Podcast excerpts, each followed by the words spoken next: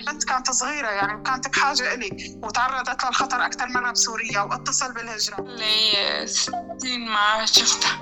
إنه كنا كانت الدنمارك أكثر وحدة هي أسرع وحدة هي بتعمل لنا الشغل بيمشي حال إنه أطلع لعند أمي؟ ظلموني وظلموا بنتي يعني.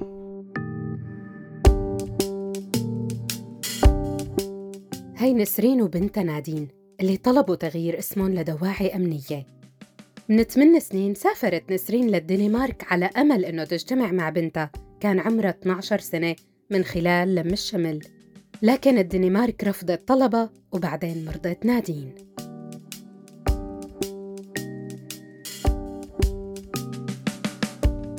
الحلقة الثالثة من شتات بودكاست من إعداد سوريا على طول. الحلقات بتعرض سنوات البعد والتشتت اللي عم تعاني منها العائلات السورية بعد حصولها على حق اللجوء أو أي شكل من أشكال الحماية التانية بس بالمقابل عم تنحرم من لم الشمل مع أفراد عائلتها. شو ممكن يصير لما تتبدد خطط الأم إنه تجتمع مع أولادها أو الزوجة بزوجها ويتعذر اللقاء؟ طيب شو مشان الناس يلي هجروا وتركوا على الضفة الثانية؟ هي حكاية هدول الناس يلي حالت ثغرات قوانين اللجوء الأوروبية دون لقاء بذويهم.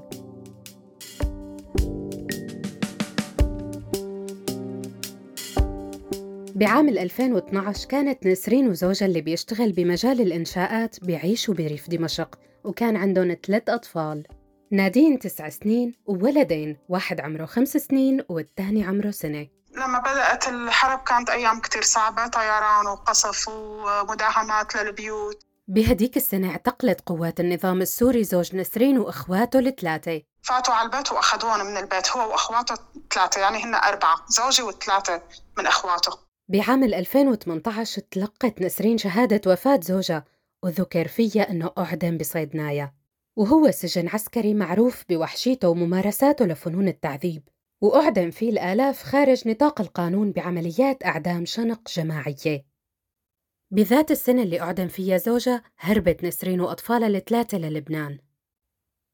ولكن ما بقيت كتير بلبنان. بتشرين الأول 2014 قرر بعض أقاربها العودة لسوريا وبقيت نسرين بلبنان لأنه قررت الرحيل للدنمارك.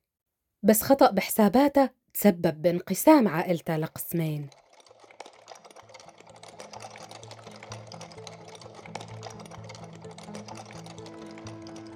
بأواخر عام 2014 نسرين وولادها الثلاثة وعمها أبو زوجها كانوا مستعدين لخوض تجربة الرحلة الخطيرة للدنمارك. بس انتبهوا إنه جواز سفر نادين اللي كانت وقتها بعمر 12 سنة مفقود. فسافرت نادين وجدتها لسوريا لتحصل على جواز سفر جديد وعلقوا بسوريا. رجعوا يجيبوا الأوراق ومشان يرجعوا يسافروا معنا. بس تسكرت الحدود بيننا وبين لبنان. ما عادوا خلوا حدا لا يفوت ولا يطلع. ونحن كنا حاجزين طيران. لبنان اللي بيستضيف أكثر من مليون لاجئ سوري أغلق حدوده بنهاية عام 2014 يعني بالوقت اللي رجعت فيه نادين لإصدار جواز سفر جديد. نسرين قررت إنه تكمل خطتها وبس توصل للدنمارك تعمل لمشمل لطفلتها. كانت تتوقع العملية بتحتاج ثلاثة شهور بس. جبت معي صبيان وتركت البنت. على أساس أعمل لها لم شمل سريع لأنه كنا كانت الدنمارك أكثر وحدة هي أسرع وحدة هي بتعمل لم الشمل العائلة دفعت 12 ألف دولار تكاليف الرحلة. سافروا للأردن ومنا للجزائر وعبر الصحراء وصلوا لليبيا. وهنيك تعرضوا لمعاملة غير إنسانية من المهربين. ضرب وعياط و... ويلا و... ونتخبى بأماكن وممنوع تطلعوا بالنهار وهيك. بتبطلي تكوني إنسانة يعني بيعاملوكي ك... بمعاملة الحيوانات.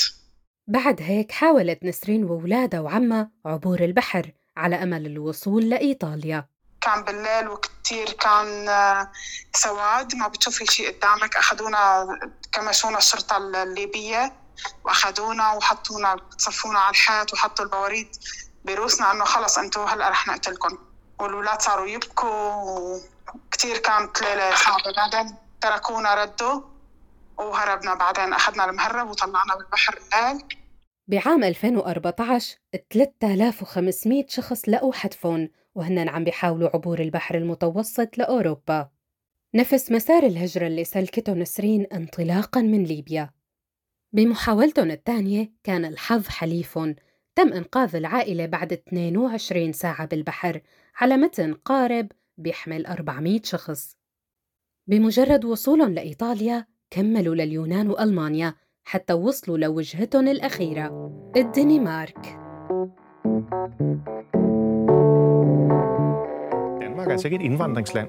Danmark er danskernes fædreland, og selvfølgelig kan vi hjælpe nogen, skal vi hjælpe nogen i perioder, hvor de har behov for det, men udgangspunktet. وصلت نسرين للدنمارك بكانون الثاني عام 2015 بهديك السنة دخل 21 ألف لاجئ للبلد مشكلين بذلك ذروة بأعداد اللاجئين الوافدين ردا على هالشي شددت السلطات الدنماركية قوانين اللجوء لجعل بلدهم أقل استقطاباً.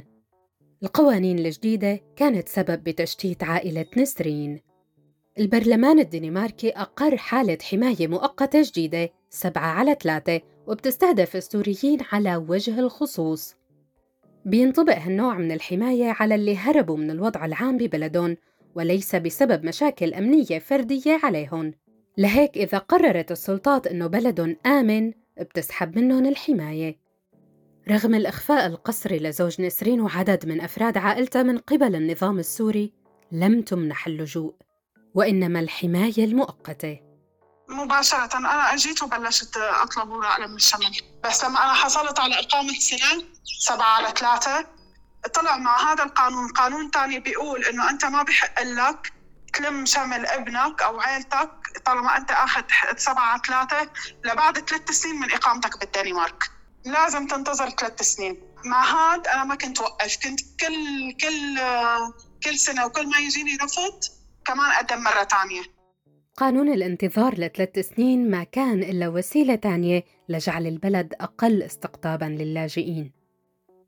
نسرين كانت من بين أربعة آلاف شخص اضطروا الانتظار ثلاث سنين قبل ما يقدموا على لم شمل العائلة. الدنمارك هي إحدى الدول الأوروبية الخمسة اللي أقرت فترات انتظار إلزامية تتراوح من سنتين لثلاث سنين. بعام 2021 قضت المحكمة الأوروبية لحقوق الإنسان إنه فترة الانتظار لثلاث سنين اللي سنتها الدنمارك بتنتهك حق الحياة الأسرية للاجئين. وهي المادة 8 بالاتفاقية الأوروبية لحقوق الإنسان. وردا على هالشي قلصت الدنمارك فترة الانتظار لسنتين. فترة الانتظار لثلاث سنين أثقلت كاهل نسرين وحطمتها طبعا كنت أمرض كنت ضل بالبيت شهر ما أحكي مع حدا.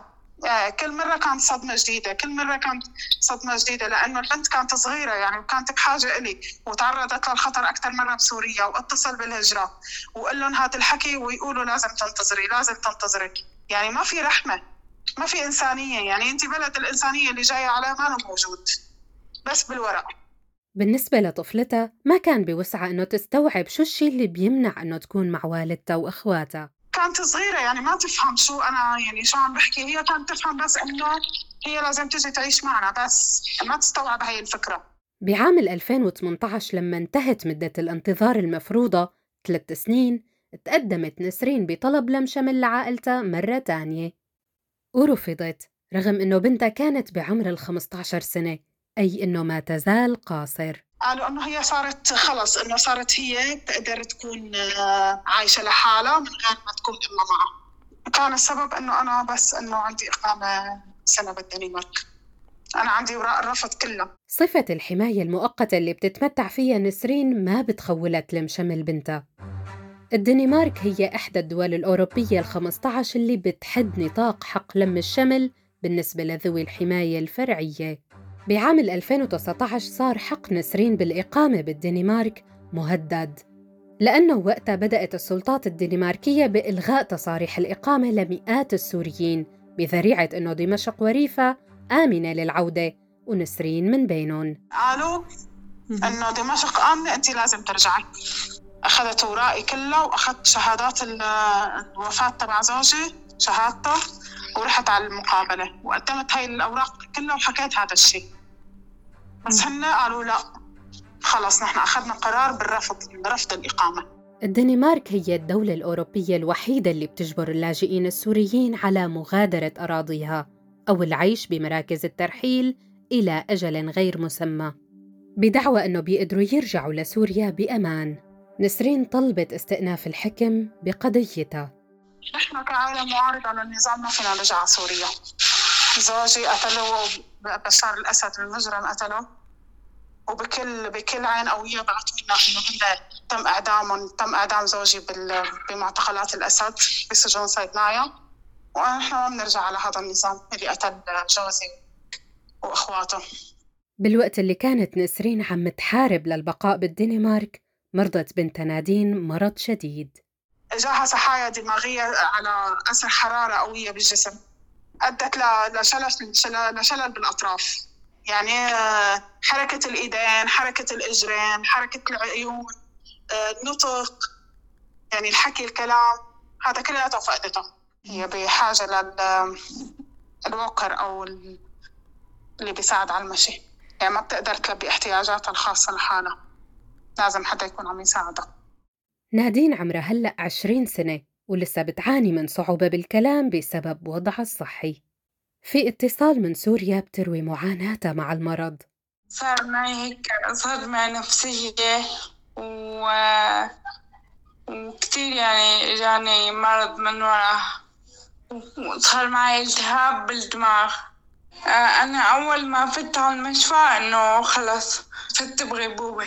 مو يعني مو متذكرة شي ضليت إنه لشهر الغيبوبة انتقلت نادين من سوريا للبنان عبر الصليب الأحمر وقدرت نسرين وولادها الاثنين من السفر للبنان بتشرين الأول 2019 لتقضي شهر مع نادين. حتى وقت اللي شفناها لما كانت مريضة وشافوها أخواتها يعني تعاملوا معها كأنه هي ولد صغير كيف تركنا بعض يعني؟ هيك هيك تعاملوا مع أختهم بموجب القانون الدنماركي اللي بيتمتع بالحماية المؤقتة 3 على 7 ما بحق لهم لم الشمل إلا بحالات استثنائية مثل مرض طفل ولكن بحسب موقع الهجرة الدنماركية هالشي بيخضع لضوابط إدارية صارمة جداً. أرسلت نسرين تقارير طبية للسلطات الدنماركية ورجعت قدمت طلب لم الشمل بس تم رفضه من جديد.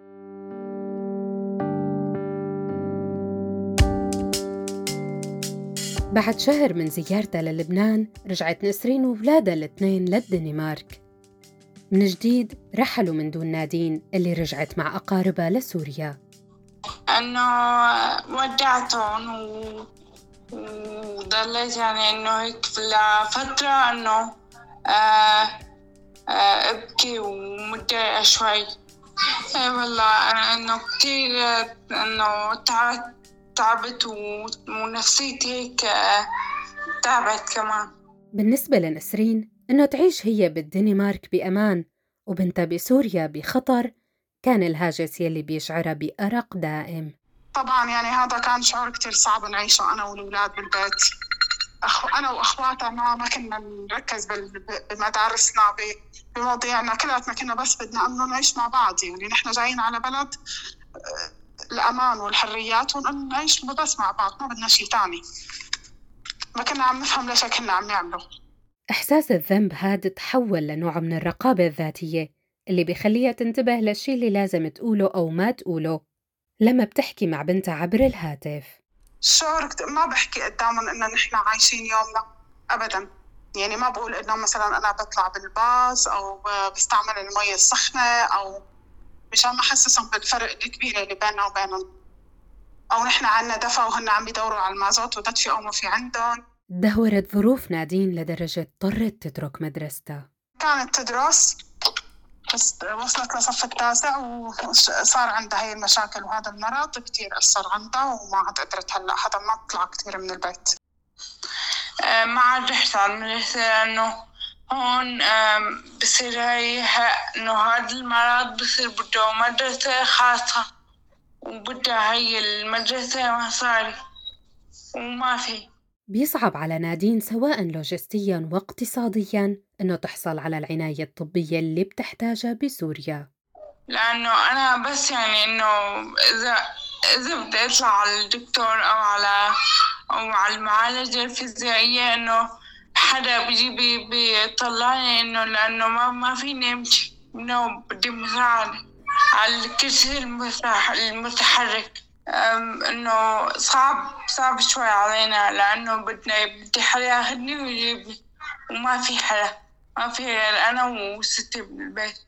نسرين بتحاول إنه تبقى على تواصل مع بنتها وأقاربها بسوريا. ولكن الانقطاعات الدائمة بالكهرباء والإنترنت بتخلي التواصل صعب. إيه، إنه يعني هيك بنحكي إنه مكالمة فيديو. كل إنه يعني كل يوم أوقات أوقات بنطول شوي حسب النت عنا والكهرباء. بالمناسبات الخاصة مثل عيد ميلاد نادين بيحاولوا يخلقوا شعور مفعم بالحيوية وبيحاكي الوضع الطبيعي. كل عيد ميلاد كنت أتصل من الصباح وسمع أغاني عن إنه أغاني على الإنترنت. ونقول happy birthday أيام نعمل كيك ونقطع هون أنا وإخواتها ويكون هي نكون يعني على على الكاميرا مع بعض. طبعا ما كل كل عيد ميلاد وكل هاي اللي بتمرق هاي المناسبات وهيك كنت يعني لما أشوفها أبكي أبكي من قلبي من جوا يعني. ما أقدر يعني أتخيل حالي إنه إحنا بعاد عن بعض وعم نتواصل ولا عم نعمل عيد ميلاد هيك. كل ما بتحكي نادين عن أمها بتنهار بالبكاء. إنه الأم غير. انه كانت لما كانت هون يعني كانت تدللني وتخاف علي. نسرين ما بتقدر تضبط لسانها لما بتحكي عن سلطات الهجرة الدنماركية. ظلموني وظلموا بنتي يعني. نحن كعائلة كثير انظلمنا مع بعض أنا وأولادي وكلهم بسبب الهجرة الدنماركية وقرارات الجائحة. ما بحب ما بحب غيري يعيش اللي عشته أنا طبعا كثير إجت فترات إنه أنا ندمت أجيت على هي البلد نظام زبالة يعني. بآب ربحت نسرين دعوى الاستئناف ضد ترحيلها من الدنمارك واستعادت تصريح الإقامة ومنحت اللجوء. حالياً وبالتنسيق مع محامي عم تحاول تقدم طلب لم شمل للعائلة من جديد. هلأ عم بدي بدي حارب هلأ مشان أقدر احصل على إقامة لبنتي. تجي بس ما قضيه تتعالج لأنه عندنا بسوريا هلأ ما في ما في علاج ما في ما في مي ما في كهرباء ما في شيء اسمه مقومات حياة. رغم كل يلي مريت فيه لسه بتشوف إنه مستقبل عائلتها بالدنمارك. هلا مستقبلنا كله بالدنمارك لأنه أولادي يعني ها أولادي مدارس وابني بيشتغل له من من عمر ال 14 سنة الكبيرة بيشتغل. السلطات الدنماركية جعلت البلد أقل استقطاباً لطالبي اللجوء وكذلك شتتوا العائلات عن بعضها. ومن ضمنهم عائلة نسرين. اسمه تفكيك العائلة اللي عم يعملوه هذا ما بعرف يعني هن بيقبلوا هيك يعيشوا بيقبلوا إنه هن يكونوا بعاد عن أهليهم أولادهم بهيك أعمار.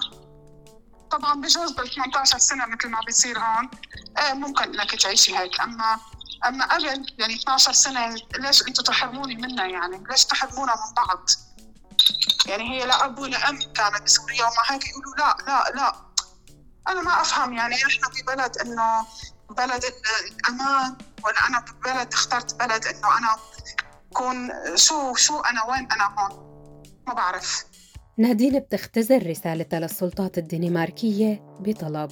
بي إنه بيمشي حال إنه أطلع لعند أمي. إنه يعني هيك شوي إنه نفسيتي بترتاح. إنه بركي بقدر أطلع إن شاء الله. بتمنى يعني إنه إنه تساعدوني مشان إنه أطلع لعند امي صار لي سنين ما شفتها.